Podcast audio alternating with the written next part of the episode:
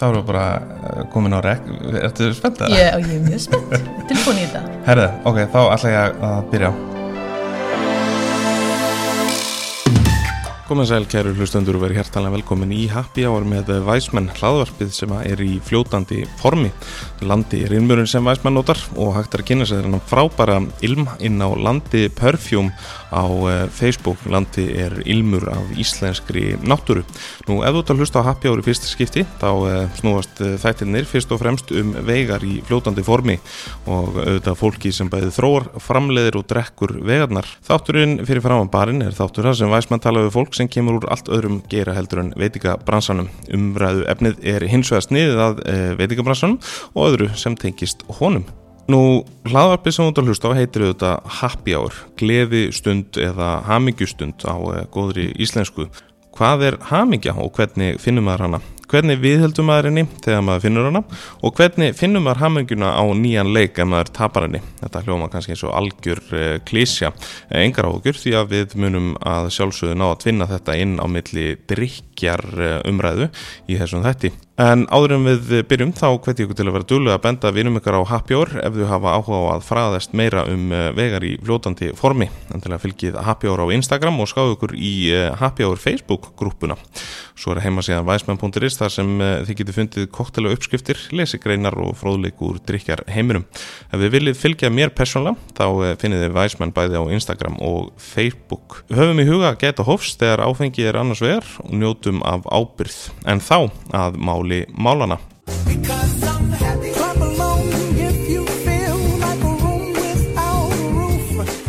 Gestur þáttanins er náskild frænka minn Haldúra Skúladóttir. Hún er meðal annars markþjálfi, NLP-kennari og nú síðast lærið hún dáleðslu. Svo reyndar geti ég haldið endalust áfram að telja upp. Síðustu 20 ár hefur Haldúra hjálpað fólki að takast á við hérna ímsu kvilla sem sækja á okkur manginnið.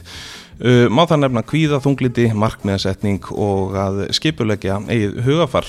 Að stuðla góðri heilsu og heilbriðum lístil er eitthvað sem Halldóra telur líkilatriði til að ná árangri, hvort sem umræði fjölskyldu eða vinnu. Talandum vinnu, lífið í veitingabrásanum getur verið strempið, mikið álað, langar vaktir og svo framvegis. Svo bættist þetta COVID inn í myndina og ekki bætti það úr sök.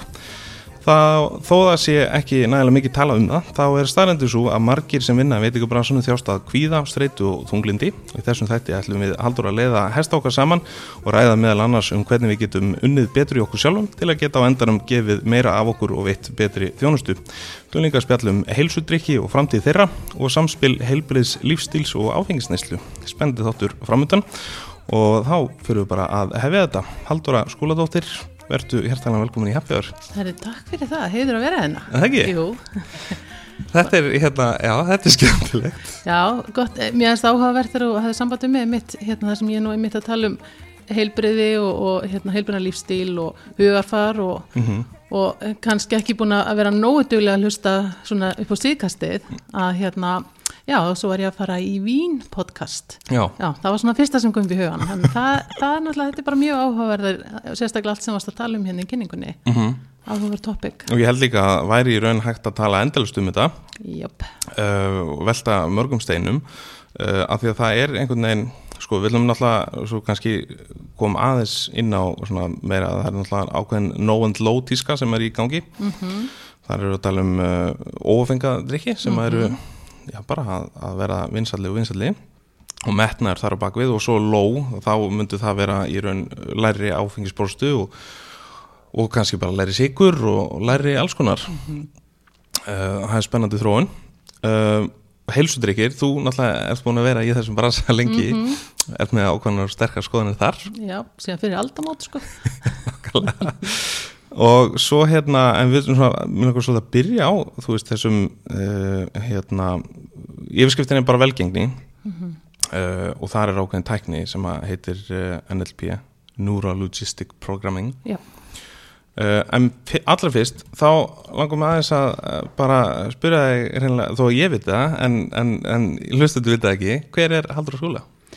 um, hmm, kona á besta aldri, er það ekki málið? Jú, það er rétt Erðu, ég hérna, já, eins og þú sagði bara, ég er búin að lifa og hrærast í svona heilsu pælingum síðan um, 98, nei, eiginlega fyrir það síðan ég var unglingur. Já, Fór mjög snemma að pæla í bara hvernig maður gæti bara sett lífið upp þannig að maður væri heilbriður og hérna og fór að hafa áhuga á bara öllu sem tengist lífara lífilsfræði, næringafræði og öllu þessu fór um, þegar ég var 25 ára, var komið þrjú börn var að vinna nýja landspítala sem sjúkraliði og þá dætt ég svona meira inn í það að skoða hérna heilsuna og endanum fór ég í eitthvað sem er bara í rauninni heilsu þjálfari lífstilsþjálfun eitthvað svo leiðis mm. og var að hjálpa fólki að, að laga lífstilin sinn og hérna þá kannski sérstaklega þá back in the days að létta sig það snýrist allt um það, að grennast og léttast Já.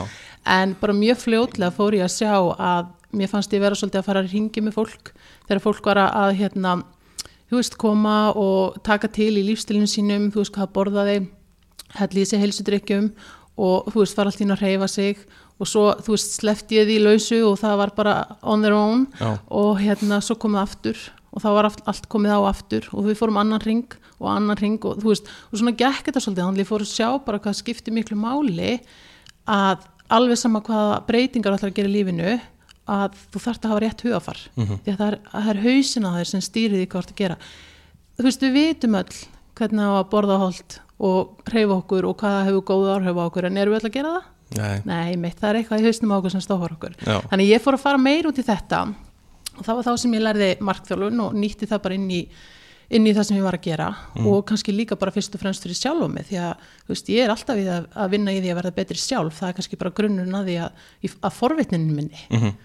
eh, síðan hluti ég til Breitlands 2015 og ég hefði heyrt um NLP eh, bara í mörg, mörg ár á undan og svona grúskaðins og lesið og, og þá dætt ég bara niður á nám þar þannig að ég kerði reglulega frá Norður Englandi til hérna, London að, hérna, í marga mánuði til þess að læra og, og þetta bara svona opnaðist nýr heimur samt fullt sem ég hafi verið að gera áður sko sem að ég fekk allt í hennu nafn yfir mm -hmm. og bara ótrúlega skemmtileg svona tól og tæki til þess að e, vinna með sjálfansi og hjálpa öðrum að vinna með sig mm -hmm. um, fluttið til Þískalands núna 2019 og mánuð eftir í flutti þá skráði ég mér nám í Breitlandi sem er lausna með dálisla Já. og sálmeðferð þannig ég flög reglulega þar á milli. Ég er rosa mikið fyrir það að vera í, í námengst þar, sem ég bý ekki Já, það er, það er mjög, mjög logist þannig að ég flög þar á milli þángar til að COVID skalla á og þá var þetta allt saman tekið online og útskæðast það hans síðasta sömar og þá fannst mér koma svona síðasta púslið í markþjálununa og í NLP og einhvern veginn hvernig ég fletta þetta allt saman og öll þessi fræðsla um hvernig heilin virkar mm -hmm. og hvernig við getum tekist betur á við bara stress og kvíða og þunglendi og deburð og svona þetta að vera bara svona svolítið flatur í lífinu og, mm -hmm. og overvelmdjabel mm -hmm. þannig að já Þetta er ég. Þetta er mjög gott svar. Þannig að þú, þú ert, ert forvitin manneskja. Ég er mjög forvitin, já. Mm -hmm. Og bara, og ég er líka bara forvitin um þú veist, ég, þú veist, ég er búin að fara í gegnum alls konar, hérna uh, heilsu, hérna svona challenge sjálf mm -hmm. og mér finnst bara alltaf þegar ég fæði það upp í hendurnar að ég þarf að vera bossin í mínu heilsu lífi mm -hmm og mér finnst það á minni ábyrð að fræðast um það sem ég er að glíma við mm -hmm. og, og finna leiðir til þess að setja það inn í minn lífstil ég er ekki að segja þessu fullkominn, alls ekki en hérna, það er samt á mínu ábyrð að, að passa upp á sjálf á mig. Það er enginn sem gera það fyrir mig. Þannig að þýleitin til það er ég forvitin með það. Og ég hef alltaf bara einhvern veginn ég hef alltaf, og það var það sem kannski leiti mér NLP af hverju gerum við það sem við gerum? Mm. og af hverju gerum við ekki það sem við viljum gera eða ætlum að gera. Já. mér finnst það bara mögnuspurning þú veist við veist, já nei, eins og við tökum þetta bara út frá heilsu, já nú ætla ég sko að hérna, borða á hold og fara að reyfa mig og svo, þú veist maður er nýbúin að sleppa sér setningu í hugunum, þannig er maður í snappbákan og sestur frá sjóarbi og maður bara, ha, akkur ger ég þetta? Útrúlega skríti, en þetta er bara þessi þú veist, hausin á manni sem er við erum ekki að vinna nú vel með í rauninni. Og hegðunar og hugsunamunstur og vanar mm -hmm. sem að við hérna, pælum ekki inn, þú veist, við fyrir svo grunn þegar við erum að taka ykkur á svona hérna, ákvarðanur um ykkur breytingar við köfum aldrei dýpur honni og spáum hvað það er sem raunverulega stjórnar okkur mm -hmm. þannig að hérna, þannig að mér fannst þessi spurning hún er leitað á mig mörg mörg ára mér fannst ég fá svolítið svör við henni í NLP og síðan í dálislinni mm -hmm. þú veist þá svona einhvern veginn fór ég að skilja hausin á mig betur og, og ykkar haus líka. Sko þetta er náttúrulega náttúrulega margi sem að, uh, eru orðinni fórnir, hvað í óskúlum er þetta NLP uh, eh, sko ég er náttúrulega ég ætla að skjóta hérna út fyrir, fyrir svona til þess að, til að fá, fara hans dýbra í þessa pælinga, það var annan podcast sem var snillega í, sem að ég hvet fólk til þess að hlusta á og ég í raun er rétt að stela þér á þannig að þú ferð í setni hlutum í podcasti sem ég fyndið, það er nóg að gera það í podcastum en hérna uh, sko þegar ég hlusta á það og fórst að tala með LB og ég hugsaði með mér þú veist, ég var að stúdira það hérna sinni og, og, og það, þetta er magnað ef þú fer að spá þessu og næ, ferð að temja þetta að síðan verður þetta bara svona uh, bara mandatóri, Já. svo ég sletti. Þú veist, þú, þú ferð bara svona svolítið að lifa hérna eftir þessu Uh, og það er svona að rifja svolítið upp fyrir mér þegar ég hlustaði. En förum bara beint í bara hvað í óskupunum er NLP Sko, Neurolinguistic Programming, þetta þýðir, eða semst er í rauninni bara það að hérna, þú veist, taugakerfið okkar og, og þar með heilinn og allt þetta er neurolinguistic, er í rauninni bara tungumálið. Og það á bæði við, hérna, það á bæði við, sko, sérstaklega kannski hjá okkur, ef vistalagi það sem við segjum við annað fólk og líka það sem við segjum við sjálf okkur, en það er ekki bara orðin sem við notum, það er tótnin í röttinni, það er líkamstjáningin, hún hefur ótrúlega mikið að segja. Og programming og ef við hugsum bara um það, þú veist, þetta er eins og bara, segjum að þú sért að setja upp hérna vefsíðu fyrir hérna The Wise Man. Og það er knappur til þess að íta á, til þess að hlusta á podcastin þín. Og þú, það er búið að prógrama þennan hnapp þannig að þegar þú ítir á hana þá hérna fyrir podcasti í gang svo virkar hann ekki, þá þarf að endurforita þetta. Og það er bara þannig sem við erum svolítið að gera við og það þarf að, veist, við erum að íta okkur að hnappa og hérna þeir eru að gera eitthvað skipanir sem við höfum ekki áhuga að þeir geri. Þú veist, við erum að hérna, bregðast við eða hefðu okkur á eitthvað hátt eins og ég sagði, veist, í staðin fyrir að fara út að hlaupa og drekka vatn, að setjast við í sofa með snapp og ganskilur, þannig að við þurfum að endurforita svolítið, veist, þessi prógrum sem er í okkur. Og hérna og það sem að kannski NLP gerir, sko, kannski hefðbundindi þerapíu auðvitað mismunandi að svo mikið að þerapíum til þá ertu kannski svolítið að skoða segjum kannski að þú komið til mín og, og þú svo hrættu við hunda og eitthvað svona þá fyrir við að bli að skoða þú veist hérna hvenær byrja þetta, hvað gerðist og þú veist hvernig hundur var, eða, þú veist skilur var hann stóra eða lítill og þú veist beitan þig eða hvað. Í NLP-inu þá erum við svolítið bara svona að skoða kannski struktúrun hvað maður að segja, merki meðan þú hengdir á þetta, þennan atbyrð og hvað hann þýðir. Og þess vegna getur haft tvær mannskjur sem að upplifa sama hlutin hlið við hlið og það er hafa sko, gjör ólíkar hérna, sín á hvað gerðist. Eða hérna, upplifun þeirra.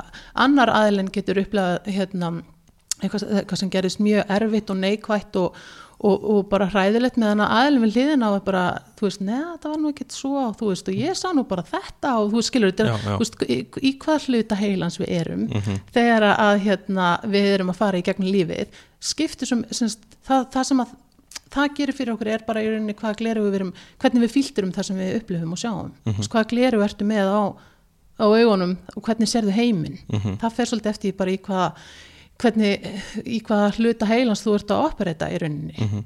Þannig að hérna, og í NLP þá þá notum við alls konar svona um, tól og æfingar sem að, að hérna, breyta þessari hvernig við sjáum, við, veist, við upplifum heiminn í myndum, við upplifum við skinnum semst, hljóð, uh, lykt, bragð, snerting og tilfinningar, þetta eru svona hérna, það sem við, eins og við skinnum og metum heiminn og, og búum til okkar svona kort af heiminum og bara sem dæmi að meina koni hjá mér um daginn og, og hérna var mitt, var búin að vera svolítið lengi hjá mér og við ákveðum bara að pröfa eina æfingur NLP og það er maður sem að hérna, fyrirhandi maðurinn hennar sem að hérna að, þau eru lengur skilin og það er búið tröflana og þú veist hún er alltaf reglulega að hitta hann og hún bara fer í bregst við að hann er bara líður ekki vel og þú veist fer einhvern veginn svona inn í sig og bara einhvern veginn vantaði langa að vera sjálf, með sjálfströst og eitthvað svona þegar hún mætir þessu manni.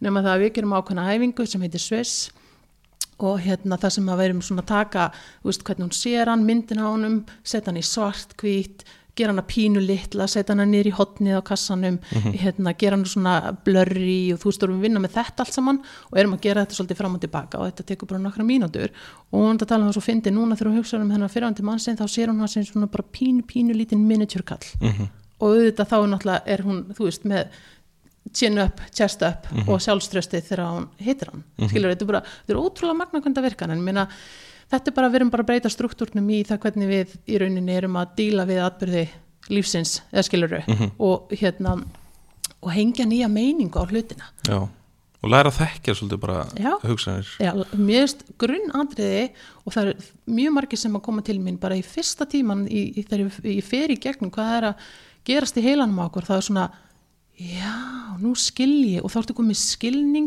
og þú ertu komið skilning þá er meiri líkur og þú hafi betri stjórn Mhm. og geti tekið í tauman á því bara hvernig líður og hvernig þú ert í raunin að bregðast við aðstæðum sko. Mhm.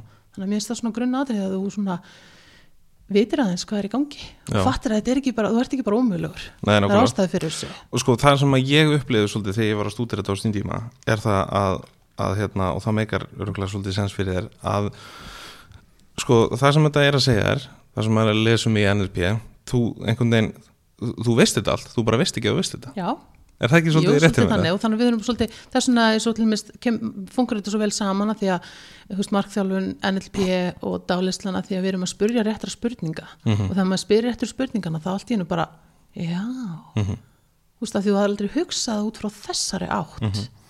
Sko, ef við förum aðeins út í hérna við förum aðeins út í heilan. En áður, áður en við gerum það, benda fólki að hugsa þetta sko, að því nú er þetta mikið af svona veitingafólki og svona sem er að hlusta að hérna, hugsa þetta hvernig þið geta nýtt sér þessa tækni e, fyrir sko sölumennsku fyrir, fyrir góða þjónustu og, og fyrir svona þessa sem að ja, þú veist oft einhvern veginn ég meina, sölumennska og, og góð þjónusta þú verður að hafa smá sjálfströst til þess að, til þess að einmitt ná Absolutely, velgengni sko. þar, er velgengni, þetta er svona undir þeirri kategóri sem við að tala. En sko þurfum ekki að, að skilja sko hvað gerist í heilanum okkur? Jú, sko, þegar þú mætir í vinnuna og ég raunin alveg sama hvað vinnu þú ert í, bara þegar þú ferð út í daginn vaknar á mótnana, þá ert að fara að vera í samskiptum við fólk, það er bara þannig. Þannig að hérna og, veist, og, og undirstaðan að góðum samskiptum myndi ég segja að báðir aðalar væru bara í sínum besta standi. Og hérna ef ég, ef ég tala bara um einmitt og, og þetta með heilan og við myndum okkur bara að það sé leiðin í vinnuna eða, eða þjóttn eða hvað. Og hérna við erum sem sagt og nú ætlum ég að taka fram, ég er ekki ykkur heila sérfræðingur eða neitt en ég, náttúrulega þetta er það sem ég lærði í skólanum og ég hlusta rosalega mikið á alls konar hérna, podcast og fyrirlestra með neuroscientists og allt þessu, mér finnst þetta svo áhugavert þannig að við erum með cirka bát svona tvo hluta í heilanum, við erum alltaf með fullt annað en það sem við erum að fókusera á. Annar, annar er hérna vitsmuna skynsami heilin og það er heilin, þú veist, við erum að nota þann heila núna, veist, við erum bara að, í góðum samskiptum, við erum bara róleg og þú veist, og við erum bara að hérna skinja hlutina á, þú veist, jákvæðan hátt, þessi heili er alltaf jákvæður, hann er alltaf að lausna með þessi hluti heilans. Uh, hann sér heiminn bara, þú veist, út frá eins og hann er, skilur að hann er ekkert að leggja einhverjar, hérna, hann er ekki að íkja neitt eða, eða og er bara, veist, skilningsríkur og umbröðalindur sem er náttúrulega nöðsild að hafa ef þú ert að vinna með fólk. Og hérna ert í samskiptum við fólk og ert að selja þeim, þú veist, góða, góða þjónustu, veitingastað, koktel, skilur þau. Hinn hluti heilans er það sem ég kalla dramadrottninguna. Og þú, þú veist, og, og, hann er svo dramatískur skilur þau, þú getur bara ímyndað ykkur, þú veist, hann sér um, það er allir fíblufávetar basically. Um, það er allt ómögulegt þetta verður allt hræðilegt þú getur ekki gert þetta hættu bara við þetta, vertu heima. Veist, þessi er að reyna að hérna, nappa þig á einhverju. Þessi kunni, hann ætla nú heldur betur að vera leiðileg við, ég sé það bara á honum strax. skilur hvernig hann er klættur Já. hvernig svipurinn, skilur þú veist hann er alltaf, þessi hluti heilans er alltaf neikvæður og alltaf á varbergi og, það er, og það er alveg ástæð fyrir því þetta er varnarhlutin okkar. Og við þurfum að hafa hann því að ef, þú, ef við færum hérna út á eftir veist, og myndum alltaf hérna bara að mæta íspilni ef að vitsminn að skinsa með heilin ætti að fara að spá og spekular í aðstæður fyrsta lagi þá tekur lengri tíma fyrir skilabúðin að komast hangað og hérna, kallið, svo, svo kallið, hérna slow road. Að hann væri svona velta fyrir sig hvað hann hann hefði borðað hvort hann væri, þú veist, nokkuð hann er nú örugglega bara, það er nú örugglega ekkert meira hann er búin að fá sér morgumat og, Já, já. veist, og já, ég fyrir bara klöpp mónum Já. hann er að sætur, skilur, það er vitsminn að skinsa með heilin þannig laga þá hann hljómi mjög vittlaust en hann fyrir bara svona að velta fyrir sér aðstæðum hvort að við þurfum nokkuð að hrætt meðan að varnarheilin okkar sem er dramadrottningin bregst við bara á sekundubrótum og þú veist, mæin herpist saman svitnum í lóun og hjarslátturinn upp og við hlaupum bara. Það er þessi svona, þess vegna er þetta eh, ég vil kalla frumstæði hluti heilans. Af því að hann er búin að vera með okkur frá öru og við alda og maður sér alveg tilgangin ef við hugsum bara um hellisbúan sem þurft að fara út í brjálu veður að veiða með alls konar rándýrum og öðrum hellisbúum. Þú veist, hann þurft að vera varbergi og hann þurft að meta aðstæður og, og hérna, stundum þurft hann bara að draga feldinu fyrir hausa því að veðri var brjálað og, og veist, hann þurft að vera tánum og allt þetta. Já. þannig að þessi hluti heilans er rosalega góður en bara máli er það núna bara í daglega lífinu okkar, það er svo mikið áreiti og það er svo mikið í gangi og margt að er í rauninni bara að gerast í haustum á okkur. Dramadrottningin vera að spinna á fullu og í hver skipti sem við erum að hugsa neikvætt eða stöndum fram fyrir einhverjum eh, svona stressfull hérna, hérna e, ákvörðunum eða uppákomum og allt þetta að þá söpnum við í stressfötun okkar. Og þegar stressfötun okkar fyrir að fyllast að þá fyrir við að síga nið, úr vitsmunaskinn sem að heilanum niður í þennan frumstæða dramadrottningar hluta og þegar að, hérna, því meira sem er í stressveitinni því meiri tíma eigðum við í þessum dramadrottningar hluta og hann er alltaf að oppreita út frá þú veist, streit og kvíða e, pyrringi og reyði, debruð og þunglindi og, hérna, og þar að leiðandi fyrir við að bregðast við á hátt sem að við myndum ekki bregðast við ef við værum í, í hérna in our right minds eins og, eins og stundum sagt að önsku sem hljóma svo vel þegar maður skilur þetta. Þannig að við erum að mæti vinnuna og erum búin að sofa illa og í talangum eins og þú veist, fólk eru ofta að vinna seint fram á kvöldin og Já, þannig að við erum að missa svona mikilvægan gæða svefnjabel, þú veist, svo erum við bara að díla við daginn okkar og mætum í vinnuna kannski setnipartina á kvöldin og hérna, e, þú veist þá er búið að fyllast á stressfötuna yfir daginn við erum búin að síga inn í, í dramadrottningar hlutan og þú veist og þá erum við ekki í okkar besta standi endilega til að veita bestu þjónustu. Við erum ekki með umbröðalindi því að við erum átt okkur að því kunnarnir eru líka með ofur fulla stressfötu mm, Mm, þannig að þeir eru ekki endilega bregðast við á sinn besta máta. Þannig að það var tveir aðeinar eru með þú veist, ofur fulla stressfötu og báður í dramadrottningar hlutanum þá er sjálfsög er að fara verða eitthvað drama skilur Já, það verður ves Já, getur verið það, þú veist. Þannig að, hérna, þannig að það er rosa mikilvægt að vanda sér svolítið við að, að hérna, vera í réttum hluta heilans í raun og ég segi þetta oft, þú veist, við förum vöknum mótnana, þú veist, pössum, þú veist, við sittum upp andlitið eða förum í sturtu og græum og gerum, klæðum okkur í föt, nærum okkur vel og við stengleimum að stilla hugafarið. Þú veist, hver vil ég vera í dag? Vil, hvað, hvað tilfinning vil ég skilja eftir hjá fólki sem ég er að fara að hitta í dag? Og þá sérstaklega einmitt þegar maður er í þjónustugeranum mm veist, og, og, og er lífsviðverum manns er by- byggt á þjónustu þá sjálfsögðu viltu skilja eftir góða tilfinningu því að besta auðlýsingin er náttúrulega orð, eða orðsporið word- word, já, algjörlega Mm. sko, ég hef náttúrulega maður er nú engin nýgræðingur í bransanum sko. Þannig maður hefur farið e, bæði hátt upp og látt upp í, í þessu og, og það hefur verið voða þægilegt að, kunna einmitt nákvæmlega þetta sem við tala um hvernig þetta virkar Mhm. Um, af því að sko ég, það er náttúrulega líka bara, er ekki bara vísindilega sanna að, að þú veist, þegar þú ert að díla við kvíða og þess að, að þá, þá automatikli sko dregst svolítið fyrir sköpunargáðuna hefur jú, jú, jú, jú sköpunar, þú veist, þú, það, hérna, það þrengist í rauninni að bara eins og, eins og sjónsviðið þrengist. Og hérna, og ef þú ert til dæmis í einhverju svona pyrrings, hérna, streitu ástandi skiluru, þú veist, að þá ferði jafnvel að fara á bara overspinn og, og hérna og finnst bara heiminum fara allt og hægt fyrir þig og þú veist, það eru jafnvel bara pyrraður við fólki í kringum sem er bara á eðlum hraða en, svo, en þú veist, þú ert bara að serða allt svo, allt, þið finnst gerast allt, allt fyrir utan þegar gerist svo hægt, sko. Þannig að hérna þú veist, og sjálfsögðu náttúrulega ef ef við hugsum um bara aftur til hellisbúans ef hann var einhver staðar að hlaupa undan ljóni einhver staðar eða einhverju rándýri þá þurfti hann ekkit endilega að vera að passa upp á sköpunargáðuna sína. Veist, hann þurfti ekki að, fara að gera eitthvað sætar hérna, steinteikningar eða hvað það var sem það var að gera skilur Nei, veist, það var bara að lifa af já, og hérna, veist, það var eina sem að kemst að og það er eina sem líka með fókusur á skilur Mhm. Nákvæmlega. Ég er nefnilega persóna, ég er svona, rosa mótiverður af velgengni, mér finnst þetta svo gott orð sko. Og, og það er ekkit endilega eitthvað að græða sem þetta pening Nei. eða neitt svona, en þegar hlutinir og ég ætla rétt að vona að það að fólk takki undir það með mér að þegar hlutinir ganga vel þá líður okkur auðvitað vel sko. Já. og hérna, þess vegna er svo mikilvægt að, að spá í þessum hlutum einmitt, af því þetta er náttúrulega bara kannski undirstaðan, ekkit kannski, þetta er undirstaðan fyrir velgengni. Já, og þú fyrir að hugsa um það, þú segjum, þú veist, munurinn á því að tala við sjálfan sig þetta, við höfum, þú veist, ég veit tölum öll við okkur sjálf og ef þið hef ekki tekið eftir því þá bara farið að gefa því gaum því að við erum stanslust að, þú segjum ekki hlutina upp átt, þá erum við stanslust með þessar innri hugsanir, eða semst hugsanir alltaf innri, en allavega innra tal og munun á því hvernig við tölum við sjálf okkur eftir hvort við erum í dramadrottningunni eða þessum vitsminna skynsama hluta eins og ég segi, dramadrottningin það er hún sem er að segja bara þú sért ekki nógu góður og, og þú ert ómögulegur og þú klúðrar alltaf og, og hérna og þú veist, þú ert alltaf á seitin og, hérna gefst alltaf upp og bara hættu þessu, skilur Já. og er, þetta er í rauninni varnaröflu því að þú veist, okkur finnst alveg stundum óþægild að fara út úr svona komfortzónu, Einmitt, skilur og hérna og þá kemur upp sko, við erum með hérna þrjá hluta í þessum varnarheila sem við tölum mest um.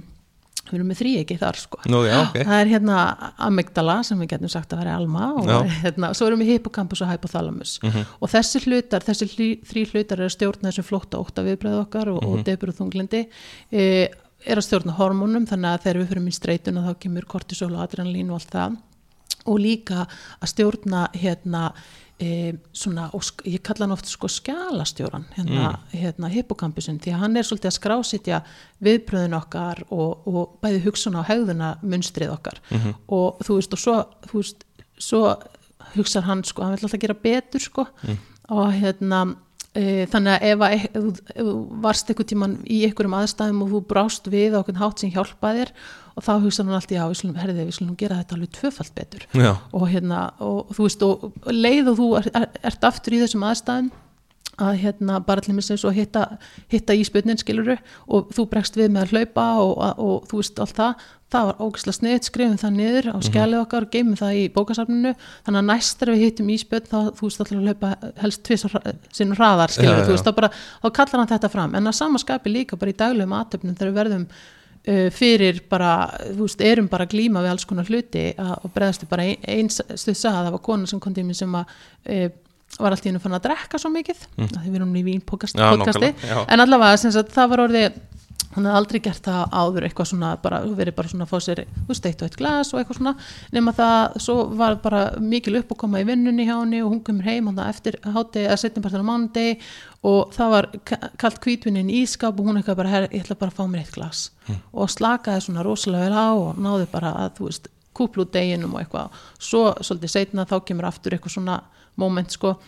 Í þetta skipti það hafði skjálastöðurinn skrifað já þegar við höfum ömulanda í vinninu ógæslega erum við alltaf fá sér eitt vinglas máli dött, geggjað skrifið í plaggi hjá mér.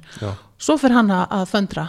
Ok, ef að eitt vinglas virkaði, þá hluta töfur ennþá betra, skilur og áður nú vissa var hún bara farin að sest, drekka daglega já, meira heldur en hann, hún vildi skilur en þú veist þetta var orðið eitthvað svona vana viðbrásmunstur Mhm. þú veist þannig að já, skælastjórun vill alltaf gera ennþá, ennþá betur sko já. þannig að já, Þetta er, þetta er, ég held að þetta megin svolítið sens fyrir fólki þegar það svona skilur út af hverju Mhm. hlutinir svona gerast inn í hausnum á okkur. já þú veist þetta er ekki það að þú ert ómögulegur ítla upp alinn og allt það skilur Nei. þetta er bara það eru ákveðin varnaviðbröð sem fara í gang og svo einhvern veginn verður þetta að svolum vana Herðu, næsta tópik, Mhm. NLP, við, sko, ég, ég er nú búin að í að ég við þurfum bara að hend- að hendi í námskeið ég með þessu.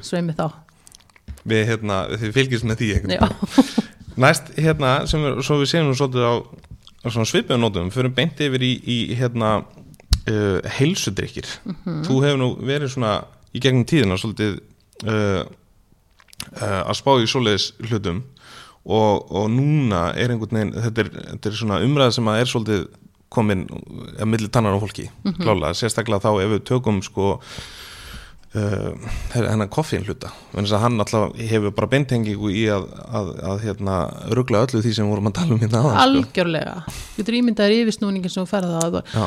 og þú veist, það sem að mér kannski finnst og, og ég hef svona varandi heilbyrna lífstíl Mhm. Um, ég myndi segja að nummer eitt er að byrja á hugafarinu og bara skoða sjálfan sig og bara vera bara rannsakandi í einn lífi Mhm. og ekki dæma Vá, þetta er gott, rannsakandi einlí ég segi bara fólk senna klættu í kvítasloppin Mhm. náðu í hérna nótbókina þina og stígðu út úr sjálfum þér þú veist, mm -hmm. horfðu svolítið á sjálfum þér úr fjarska og fylgstu með þér án þess að dæma og af því að við erum svo duglega um leið og við gerum mistök sem að, þú veist, er rauninni bara lærdómur, þá erum við svo duglega að fara að skamma okkur Já. og sparki okkur og allt þetta. Og ég segi, ég segi oft við fólkið mitt ég myndi að þú sért rannsakandi, þú ert með apa í búri. Mhm. þannig að þú ert bæði apinn og rannsakandi Já, og þú ert að spá í hvernig hérna, apar virka og allt þetta. Og einn daginn þá ákvaður að henda banana bara fast inn í búrið bara svona hérna að abanum og honum bregður náttúrulega þá hann hérna rekkur upp og ræðst á bann og trafkar á honum. Og hérna, e, þú veist og þú náttúrulega sem rannsakandi bara já, það verðt, skrifa þetta í bókina en ok, þannig að henda í hann er kannski ekki sniðut, næsta skipti þá pröfar að rétt honum bannan. Og hann svona bara eitthvað kemur og þefar að hann og eitthvað og svo tekur hann hann og borðar hann. Mm -hmm. áhugavert, skilur þannig að ertu ef, að, ef við myndum heimfara þetta yfir á eins og við gerum við okkur ef þú ert bæði apinn og rannsakandinn þú hendir hérna og þú ætlar að fara, þú veist, betrum bætaði eitthvað og, og ferð að gera eitthvað hérna, nýtt í rútininni og svo klúðraður því, eins og dramadorningi myndi segja, að þá náttúrulega ferð að skamma sjálf á þig og rakka þig niður. Og getur aldrei gert neitt rétt. Það er eins og verið að skamma apan fyrir að hafa brúðist svona við þegar þú kastar, hans, kastar í hann bananum, skilur við. Veist, en við myndum aldrei gera það því við erum bara að rannsaka, við erum bara að skoða og þannig þurfum við svolítið að gera við sjálf okkur. Bara, og ég hvet fólk til þess að vera með blað og penna og bara í alvörunni skrifa niður þú veist, ekki hækjara dagbók sko, heldur bara að þú veist, ok, þetta var að gerast í dag og ég brást svona við. Áhugavert, hvernig myndi ég vilja bregðast við? Mm. þú veist, til dæmis eins og í samskiptum við viðskiptafinni allavega, við ætlum að fara að helstu ekki ánum en þú veist, það er sjálfsög eins og þetta þegar að maður er, þannig að ég segi, þú veist, maður þarf að byrja á hugafærinu, síðan þarf maður að hérna, og þetta er nú bara almennt með heilbina lífstil, hvort sem þú að drekka heilsudrykki ekki síðan þarf það sko matræðið, grunn matræðið því það er, þú veist, það er ekkert viti því að vera úð í sig heilsudrykkjum og vera svo bara með krapp í nei, nei. það er grunnur, síðan getur þú bætt við fæðubót, vítaminum, heilsudrykkjum og allt þetta, en svo finnst mér bara ef við erum að borða næringaríkan mat sem er að gefa okkur orku og næringu, veist, er að, er að keira kroppin áfram þurfum við að áta koffín Já, ég spyr, Já. þetta er bara já, ég, þú veist, ég drekk grænti á mótnana, tvo veist, og það er með smá koffin í, skiluru Mhm. og kikka mér alveg í gang, skiluru en þú veist, ég, ég spyr mig, sko þú veist, þurfum við, ég hérna það sem ég býð Þískalandi, ég segi voða lítið af svona koffíndrykkjum þar. Eh, hérna, svo, svo er ég búið komur upp á hérna, hvað heitir það, kollab eða eitthvað. Mhm. pröfaði það einn daginn og þetta já, búið að mikið að gera hjá mér meðan ég er búin að vera í Íslandi. Og það er alveg, ég hef alveg gripið í 2-3 sko, en þú veist og þetta er rosa gott og þú veist þetta er frískandi og, og ég er ekkit endilega að tala á móti því en ég, maður kannski bara þyrfti svolítið að vanda sig og, og hérna og, og, og skoða kannski aðeins í grunninn er ég kannski bara, þarf ég kannski bara að næra mig betur, drekka betur vatn Já, veist, bara já. það að drekka vatn hérna, eða sem drekka ekki vatn getur stuðlað orkuleysi. Veist, þannig að maður hætti kannski aðeins að skoða grunninn fyrst áðan maður fyrir að fara í hækjurnar. Já það er, það er mjög góð punktur. Mm. að því að sko, ég er nefnilega svo hræddur um að, að með tilkomu allra þessar markastóla sem við erum með núna að þessar drikkjafuru verði, fari bara að verða þú veist, að einhvern veginn markas að sé, það sem ég er að reyna að segja er að, að hérna að það er markaðurinn einhvern veginn sem, sem ræður sko, þeir sem að markað setja að ráða, ekki einhverjir ekspertar skilju nei, nei, nei, nei, ég meina, þú veist og það er svolítið hættulegt sko. Já, ég meina, þú veist, og, og talangjum við tölum um ungt fólk og krakka. Já, þú veist, og þú veist, þú ert að taka þetta út og svo, svo er ég líka bara persónlega rosalega fylgjandi því að við borðum svolítið hreint og ég vann í Breitlandi þá vann ég við að uh, ég var með námskeið fyrir fólk að við um breska heilbreyðsraðunitisins sem satt fyrir fólk sem var á forstum síkusíkis ok, og já, já, já, þá, kem, þá kom það til okkar í tíu mánuða prógram. Það sem við vorum í rauninni að endur prógramera Já, bæði hvað var það hugsunahátt og, og hvernig svona merkingu það setur í hlutina kennaði líka varandi lífstíl þá bæði mataræði og hreyfingu. Mhm, og þú veist og, og, og bara eitt sem að mér finnst svo áhugavert að þú veist, ef við reynum að velja mat sem er bara með eitt innihaldsefni mhm, og þú veist, og eins og ég var að segja við þau, þú tek, tekur upp póka af eplum og þú lest innihaldslýsinguna, hvað stendur? mhm, Epli, mhm. Það er bara eitt innihalds þú veist, svo getur þú sett saman þinn mat með mörgum innihaldsefnum. En þegar við erum að kaupa allt þetta tilbúna dót og það náttúrulega er eins og við pælum í þessum mörgum þessum bæði hilsudrykkjum og bara alls konar þessum koffindrykkjum allt þetta þetta eru, þetta eru einhver efni sem við vitum ekkit hvað er Nei, og kunnum ekki einu svona að bera framjábel þannig að þú veist, ef maður getur reynd að vera í sem hreinasta mataræði og drikk, það sem er bara 1 til 2, 3 innhalsefni það er svona mín svona maður að segja, ég aðhyllist það svolítið mikið, mhm, ekkit endilega besta í að framkama það, en ég reynir mitt best allavega að, að vera þar sem Nákvæmlega. verst Sko, það alltaf lengi búið að vera að tala um heilbyrn mataræði og svona Erum við komin að þann stað að við þurfum að fara að spá í the term drikjaræði? ég myndi alveg segja það, alveg klárlega ekki. það er bara, ég meina, þú veist ef, þú spáir í bara alla þessa hérna, þú veist e- e- ef þú getur komið þér ánfram á koffinni Mhm. og sigri og þú, og þú getur kyrt í gegnum daginn og því þá ertu mögulega ekki endilega að næra þig til þess að fá orku. Nei. þá sleppur því kannski bara og getur ímyndað hvaða líka hann er að missa af varandi bara næringu.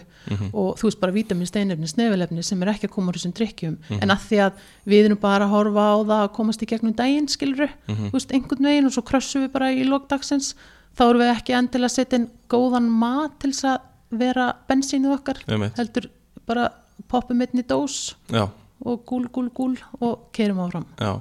Þetta finnst mér nefnilega svolítið áhugavert. Og ég ætla líka að nefna eitt þátt sem ég tók upp með Guðmund Ármanni, endilega hlusta á hann, þar komum við svolítið inn á þetta.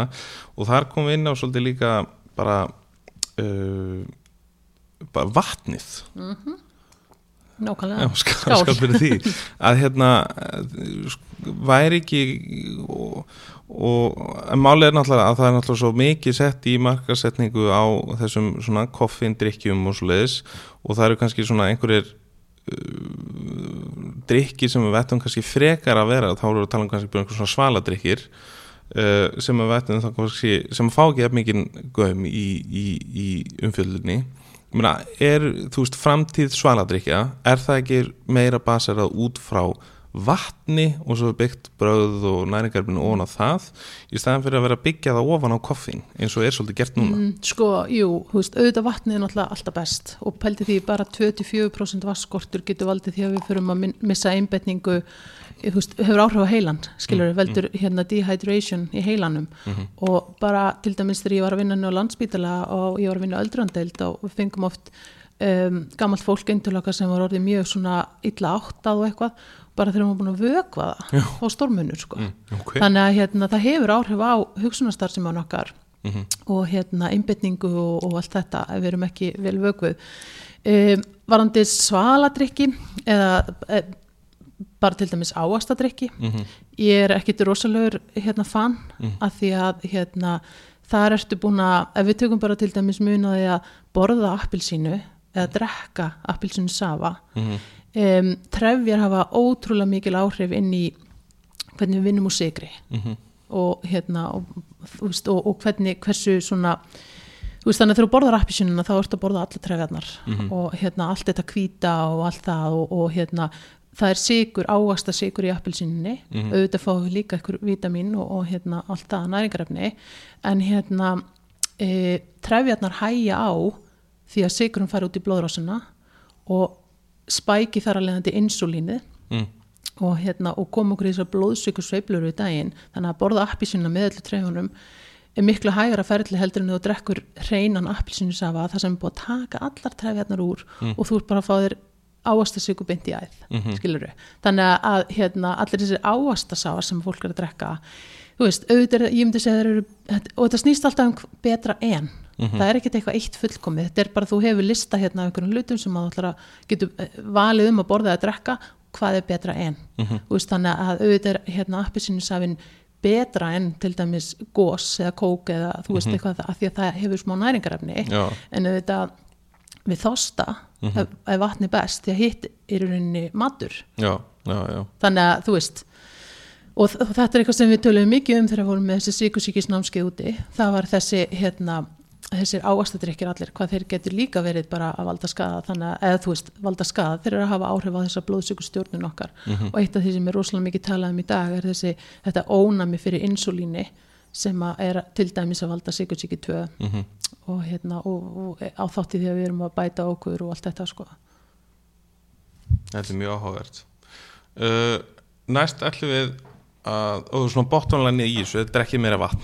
Já, basic, rosa einfalt. Já, hérna uh, sko síðan er það þessi no and low tíska, þetta var svona eitthvað svolítið nýtt fyrir þér. Já, þetta er ekki náð, náð hérna fótfestu í Þískaland allavega, ekki í Móseldalum þar sem ég bý.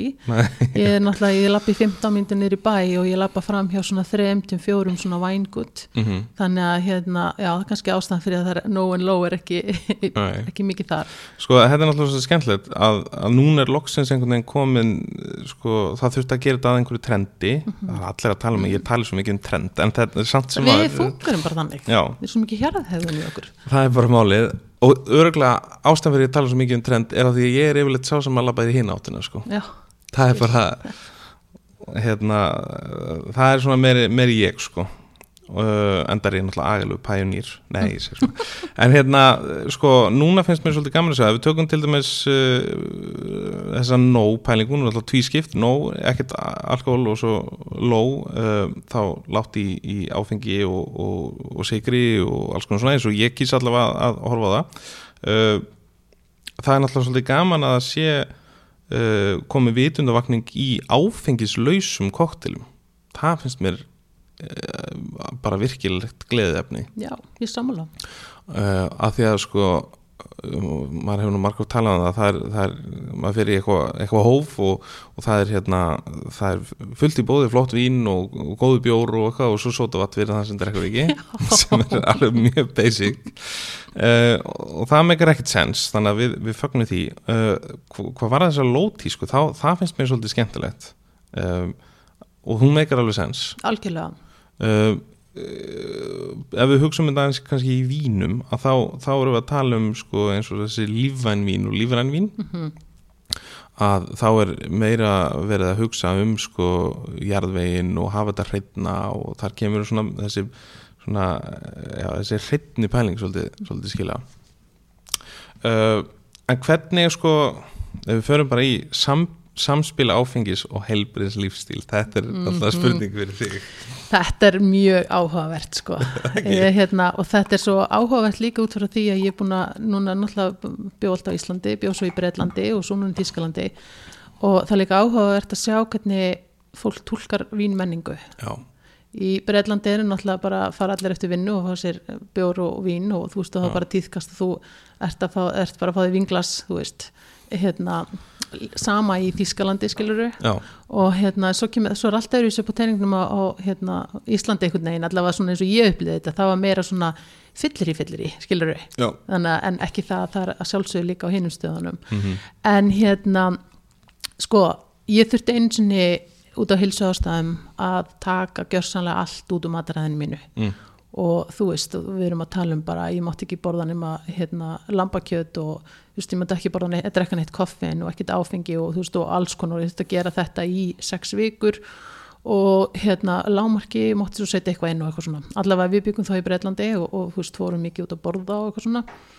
Og það sem ég uppliði pínlítið mér fannst þið verða pínu einangruð skilur og hérna þannig að, og það, maður það líka alltaf velta fyrir sér hérna hvernig er á mikið og mikið þú veist í báðar áttir þú veist og, og, og ekki fara í öfgarnar í hvora áttina sem er en hérna og mér fannst ég svona miss eða svona gæti ekki verið með Já, skilur já. þannig að hérna þá hefði nú heldur betur verið gott að hafa eitthvað svona nóg. Já, eitthvað já, og geta verið með. Eh, hérna, en svo náttúrulega sko, þú veist eins og ég segi það að drekka vín getur átt verið svo mikið social tengt Já, og já. við erum náttúrulega mannverðnar þurfa að vera í, í þú veist, innan um annað fólk og, og þá fylgir því ofta áfengi þannig að það er ótrúlega snið og ég sé það bara núna þegar ég kom til Íslands ég bara var svo hissaður, ég bara fór í hagkaup og ég sá bara allar, sá bara allar bjórtegundirnar og, og þú veist allt þetta sem voru þá náttúrulega ekki með áfengi sko. ég er náttúrulega mm -hmm. ég er alveg þess að geta keift áfengi í búðum Já, já. en að mér finnst þetta mjög áhugavert og ég, þú veist, hef smakkað sömu af þessum bjórum og drikkjum,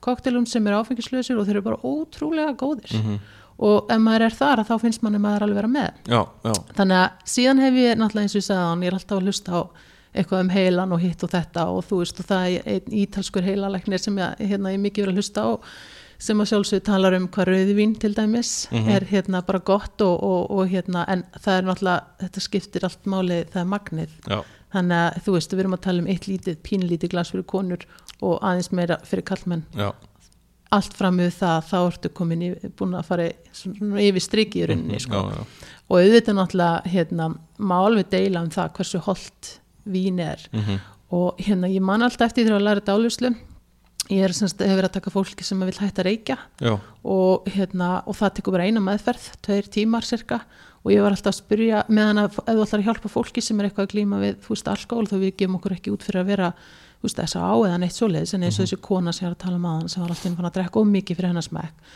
að hérna og ég sagði alltaf af hverju tekur síkar þetta bara þú veist einn tíma meðan að það tekur lengri tíma að vinda ofan af þú veist áfengi?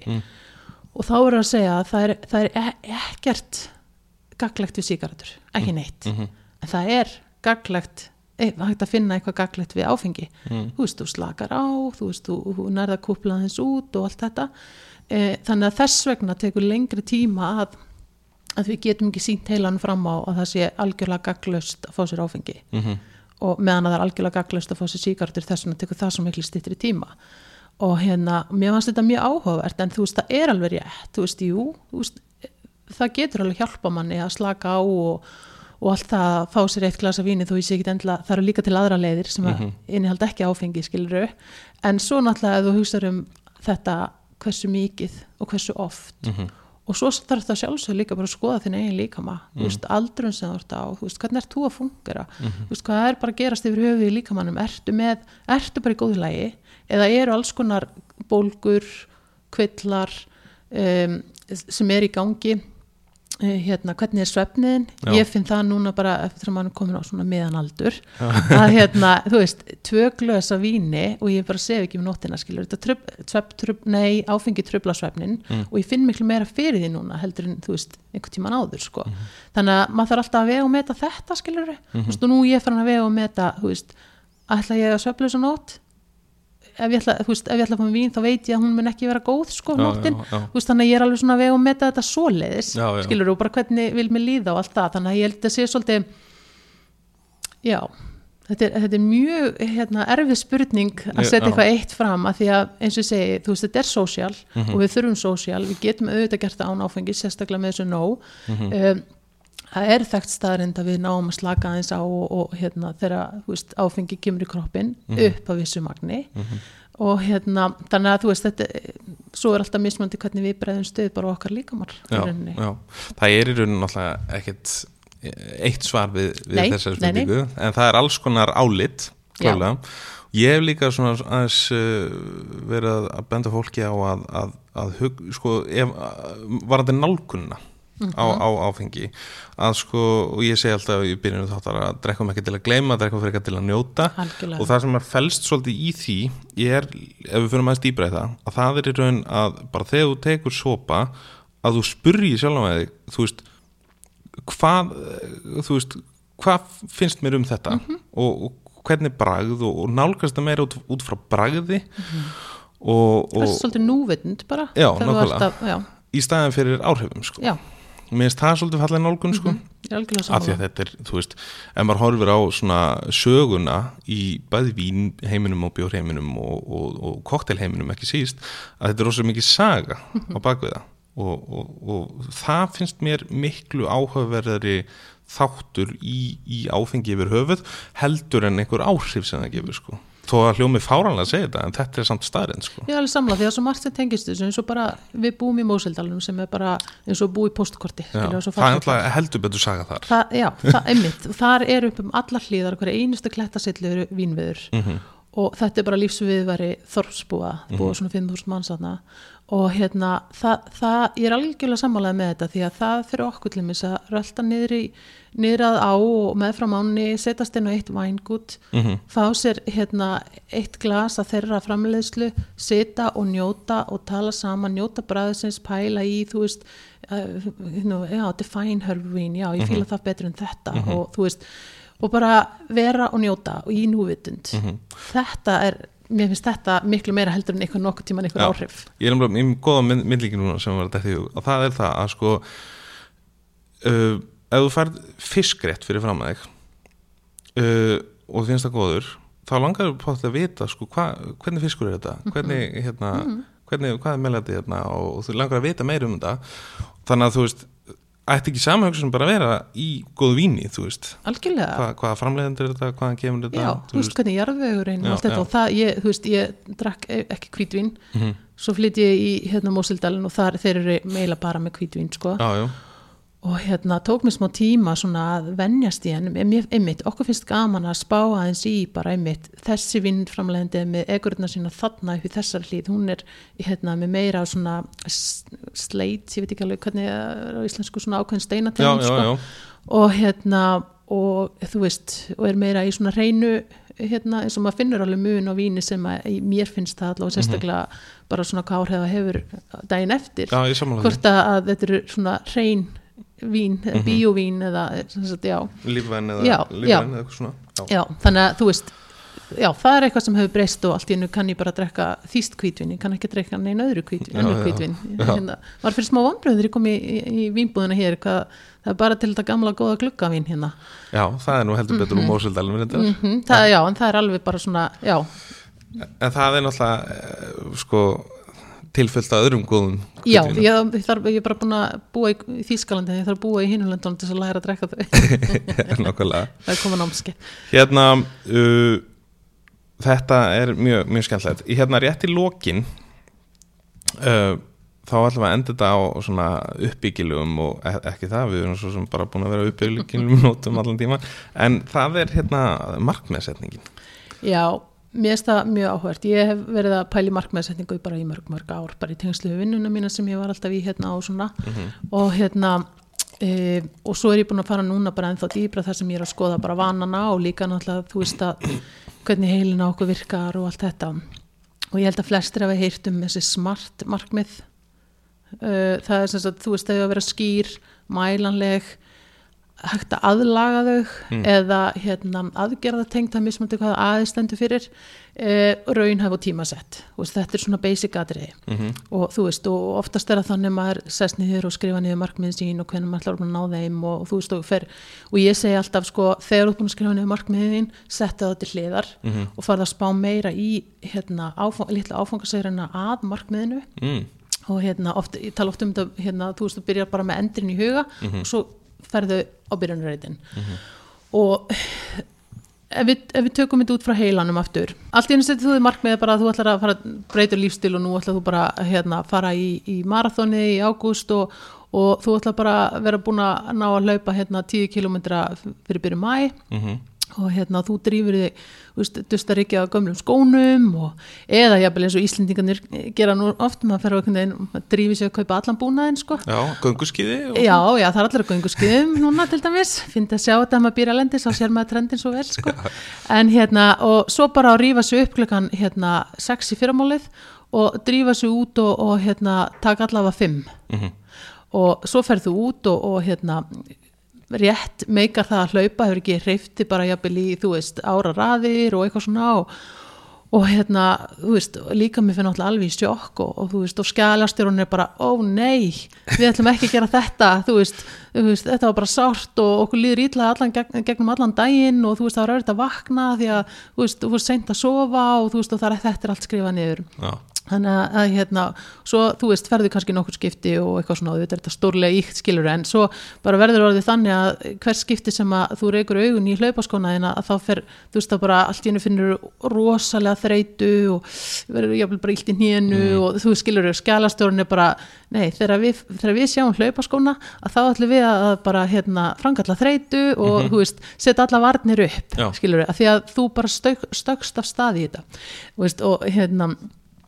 þannig að með markmið um, það er ótrúlega mikilvægt að brjóta þið niður eins lítil skref og getur. Og ég hef verið með viðskiptafinn hjá mér sem að, hérna, mitt var í þessum málum að reyna að fara út að hlaupa og, veist, og var ekki að takast það. Þannig að fyrsta skrefið var bara að velja sér tíma. Hún sagt var með hérna, hún breyti og hérna, eftir hérna, tepullansin á mónana að þá fór hún í skona og steig út, fyrir, út í bakarinn sinn. Mhm. Var það, bara það þá var hún vinnar. Mhm. svo þú veist auðvitað gerði hún aðeins meira skiluru en þú veist í það sem að hún átti í raunin að, tikki bóksi ef hún fór í skóna og út that's it. Já. þannig að hérna allt umfram, þú veist, það var bara bónus. Er nefnilega það að þegar við hérna, þú, við erum þessi gleðihormón og hérna velliðunar hormón og eitt af því til minnst dópamin og dópamin er svona kvartningarhormónu okkar. Og margir halda það að hérna það er engungu þegar við erum búin að ná markmiðun okkar þegar við erum komin í mark að þá munum við fá dópaminni, þú veist, kikkið inn hérna.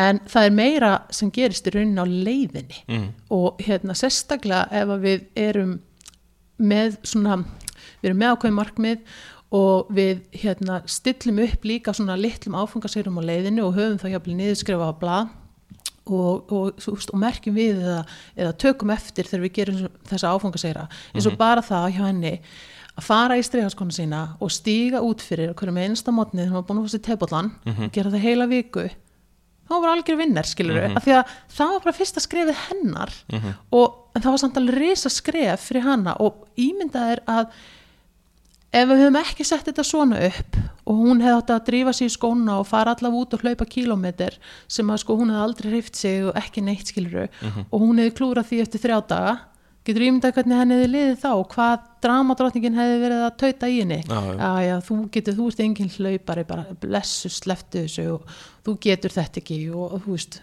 bara borga sig að hérna, reyningin sinni meir já, já, en öfugt við það sem hún gerði að því hún gætt svo auðvitað að fara í skóna sína og stíð út bara I'm a winner baby. Mm þannig að allt öðru þessi hugafar allt öðru þessi sjálftal og þegar við tökum eftir þessum litlu skrefum þú veist, um, veist og virkilega sko veitum því aðtegli að þú veist að þá erum við að fá smá dopamin boost sem er kvartning og okkur langar í meira og þá þú veist þú veist, förum við bara ok, ég ætla að gera þetta aftur á morgun Já, já. þú veist, og, og hérna að því að dopamin er líka svolítið hérna, maður er svona pínu háður í þú veist, maður vil alltaf meira og meira, meira dopamin búst og Mhm. við getum alveg fengið það líka þú veist, er einhver að gera like á Instagramið okkar og eitthvað svona, Já, já, já. þannig að þú veist, en þarna getum við nýtt okkur það til þess að vinna í áttin að markmiðunum okkar Mhm.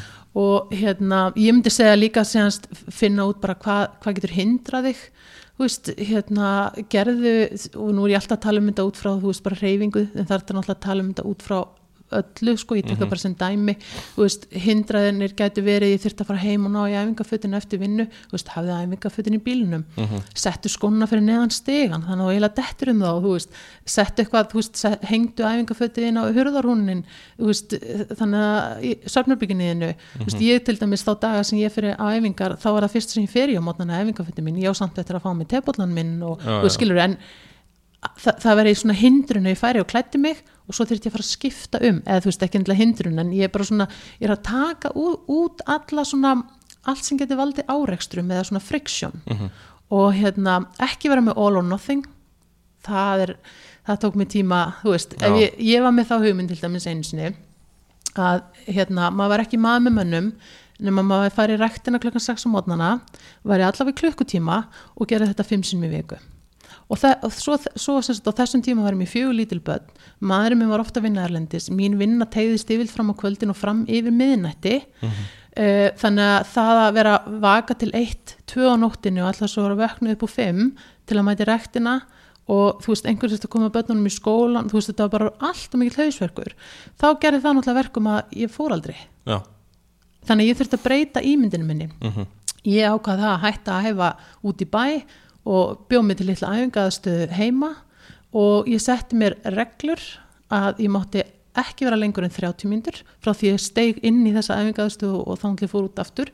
Ekki oftar en þrísar í viku. Og ég þurfti að gera þess að þetta, ég mátti ekki fara nema þegar börni voru komin í skóla og leikskóla. Þá hafði ég nefnilega tíma þannig morgunin já, þannig ég þurfti að breyta hugmyndunum mínum lækka standardinn skiluru, eða þannig og brjóta þetta niður í smæri einingar í dag er þetta bara eðlasti hlutur á mínum degi þegar að fara á æfingu skiluru, en þarna, þarna var ég bara að ströggla við að ég setti markið of hátt ætlaði að vera all or nothing og gerði það, ég bara gerði nothing skiluru, Já, já. þannig að þú veist, þannig að í staðin fyrir að vera þar bara og brjóta mig niður fyrir það þá ákvað ég að brjóta niður markmiðið í miklu smæri einingar sem verið auðvildar fyrir mig að gera og þannig byggja upp vana og rútínu og veljaðan kakvart í um, og eins og við töluðum á hann þú veist ekki vera að dæma þig verður fyrir eitthvað bara forvitin þú veist og af hverju þú ert að bregðast við og hérna e, þannig að við getum bara að skapa ný viðbröð og svona, þú veist, þegar þú ert að e, hérna, fara á eftir markmiðunum og ert ekki að haga þér eða, eða sagt gera það sem þú ætlaðir að gera. Um, e, já, ég held að þetta sé svona kannski það sem að, að hérna, já, annað kannski sjáðu fyrir þér. Já, visualization er ótrúlega mikilvæg og ég get bendir á fyrirlestræði með hérna einum af mínum uppáhalds eh, neuroscientist þar sem hann er að, krefja þetta og þetta er eitt af því sem við vinnum með í dáleðslunni þá erum við að nota svo mikið undir meðundutina og ná til hennar í rauninni. Þannig að hérna þú veist uh, sjá hlutina fyrir þér líkamstjáning Mhm. er ótrúlega mikilvæg, hefur öruglega allir hýrt um The Power Pose. Já, já, Já, hún, veitir, þú veist, það er ótrúlegt. Og við gerum rannsókn á, á þessu hún heitir Amy Cuddy og hún er svona félagssálfræðingur og þessi staða í bara smá stund hún eigur testosteronum 19% sem gefur okkur búst og sjálfströst og allt þetta og lækkar kortisólum 25% sem er streituhormonu okkar þannig að pælti því bara að nota líkamann og standa rétt í smá stund og þú veist þú sjá jafnvel fyrir þér markmiðið þitt í huganum og, og hver þú ert að verða að hérna, þú veist þetta virkar. Já. þetta hljómar eins og ég veit ekki hvað ykkur, ykkur skáldsögu en, það gerir það. Já, ég bara tekundi það. Ég lærði þetta á, á, hérna, á svona sulnámskið sem ég fór á í Glasgow og þetta er bara þetta sem virkar sko. Já, þetta, þú veist, þetta, þetta er ótrúlegt. Þannig að ég myndi segja að þetta var kannski helstu aðrein þú veist, jú skrifaði henni markmið, brjóttuði niður taktu eftir öllum litlu áfangasegir á hann klappaði þér á bakið uh, sjáðu fyrir þér, notaði líkamenn þú veist berðu þig og reyndu að vera eins og væri komin á staðin sem þú vilt vera á.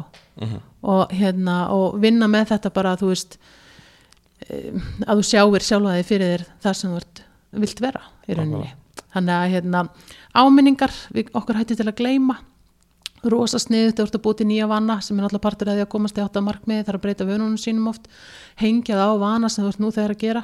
Ég veit ekki hvað, ég er búin að breyta mörgum vönum hjá mér bara þegar ég busta tennurnar. Já, þú veist, ég hérna byrjaði þú veist, eh, þegar ég var byrjað einmitt að drekka vatn þú veist, ég gæti drukkið 2 lítra kóki, það var ekkert mál hérna bakkaði degi, sem að drekka 2 lítra vatni eða 2 glösa vatni var bara guttlaði mér og bara, þú veist, já, þannig að ég vildi venja mig að drekka meira vatn þannig að ég setti það inn í tampustarútinu mína. Hverju mótni þegar ég busta tennunar drekki 2 glösa vatni og svo um kvöldi og svo stækkaði ég glösin og skilur þú veist. Já, og í dag, dag drekki 2-3 lítra bara sem er bara eðlilegt og, og hérna, ég er alltaf með brúsa með mér eftir eh, hérna aðgerð sem ég fór í veist á, á hérna mjöðminni þá hérna vantaði mig að vinna með jafnvægi mitt. Þannig að mótnana þegar ég bustaði tennina stóð ég á hægri fæti og kvöldin stóð ég á vinstri fæti skilur þau, þú veist það er að gera svo margt. Ég fæ mig tebolla á hverjum einasta mótni hvað er maður að gera með hana vatni í kallinu mér að hitna þú veist ef maður bara kíkja á embið eitthvað núna ég, hérna, er ég að gera bakaðingar bara stend þú veist og er að hérna, 30 sekundur í á nokkrum æfingum og svo held ég í teibollan og hann þarf hans að kólna og þá ger ég nokkrar viðbót skilur þau einu sinni þá fór ég gegnum daginn eða sem sagt ég gerði þetta í tvo mánuði. Þá hérna í hver skipt sem ég sturtaði niður gerði fimm hnjöpur skilur þú veist, það er svo margt sem er hægt að gera. Já, já, veist, þannig að hengja þetta á eitthvað sem ert nú þegar að gera þannig að því að helsta það að, veist, við höfum viljan og þú veist, við vitum hvað við ætlum að gera og allt það, svo bara allt í hennu gleymum við og bara í lók dagsins bara, ah, æ, ég ætlaði. Þannig að hérna um, byrja þegar þú ert að byrja vananiðinum þú veist, reynda að hafa hann að hann taki minnin tvær mínútur Mhm. þú veist, og, og hafa góða, allt þetta góða sem þú vilt gera ábyrrandi veist, allt þetta eins og til mig segðu þú ert vilt bara meira ávistum heldur en þú veist ykkur keksi, feldu keksbakkana efst upp í, í skápnu þannig að þú þurfir að ná helst í stiga að ná honum, hafa ávistuna í, í skáluborðinni skilur þau sem dæmi. Og hérna, og gera svona pínu hérna framkvæmdara áallin, þú veist, hvar og hvenar og það kemur inn í þessa tímasetningu þú veist, hvenar ætlar að gera þetta. Og ekki, ef að plani klúðrast ekki fara að dæma þig. Nei. Fyndu bara út, ok, get ég gert einhvað og ég kemst ekki á, á hálftíma hæfingu get ég gert eitthvað í tíu myndir hérna heima Mhm. skilur, það, þú veist, það er alltaf betra að gera eitthvað en ekkert. Og þú veist, og ég veit ég er búin að tala rosalega mikið út frá reyfingu og mataræði en þú veist, þetta er eitthvað sem er hægt að heimfara inn á hvað sem er. Mhm. og hérna, ég held að nummer 1, 2 og 3 þegar maður fara í markmiðasetningu og þá þarf maður að fara í, hugafarsetningu líka í leiðinni. Sammála því. Uh, Ef við viljum meira halduraskúla.com Já, ég er með sko, já, haldurskúla.com mm og hérna, svo er ég með kvennaráð.is Mhm. en ég veit kannski að kallmenn er ekki mikið að fara þar inn en þar er ég líka að setja meira einn svona sem tengist, þú veist, bara konum og hormónum og þú veist, og eitthvað svona. Mhm. en já, haldurskúla.com þar er hægt að lesa um bara einmitt meira um dálislu og þú veist, og bara hvað ég er að gera í rauninni. Gekka, ég seti inn á væsmann.is líka uh, umfjöllun og, og kannski pizzan einhverjum hugmyndum varandi svona neuroscience mm hérna Fyrirlestra. uh, fyrirlestra Já, já, nú að þeim. Geggjað. Herðu, uh, Haldóra skúla, elsku frænka takk hella fyrir komina í Happy Hour. Herði, bara takk fyrir að fá mig. Bara heiður að vera komin í hérna The Wiseman podcast. Já, ha? nákvæmlega. Það er það gerur hlustundur vonandi hafið þau gaman af uh, þessum þætti eins og uh, ég er sjálfur alltaf gaman að tala við hana frængu mína enda kann hún sitt hvað um uh, heilsuna og aðferir við að bæta hana hvort sem það er andlegt eða líkanlegt endilega tjekkið á halduraskúla.com og inn á væsmann.is má sjá ítalega umfjöllun um þennan þátt linka sem að hægt er að nálgast alls konar fyrirstra um NLP og fleira. En ef því fannst þessi þáttur góður þá uh, hveti ykkur til að hlusta á hina þættina í Happy Hour og svo má líka finna Happy Hour á bæði Instagram og í Facebook-grúpunni Happy Hour með Væsmenn. Sjálfur er Væsmenn líka að finna á Instagram og Facebook og svo minn ég þetta á heimasíðuna væsmenn.is en þáttunum verður ekki lengri að sinni Munið á væsmenn, drekkið ekki til að gleyma, frekar til að njóta. Það er sem allra best. Takk fyrir að hlusta. Þanga til næst væsmenn átt.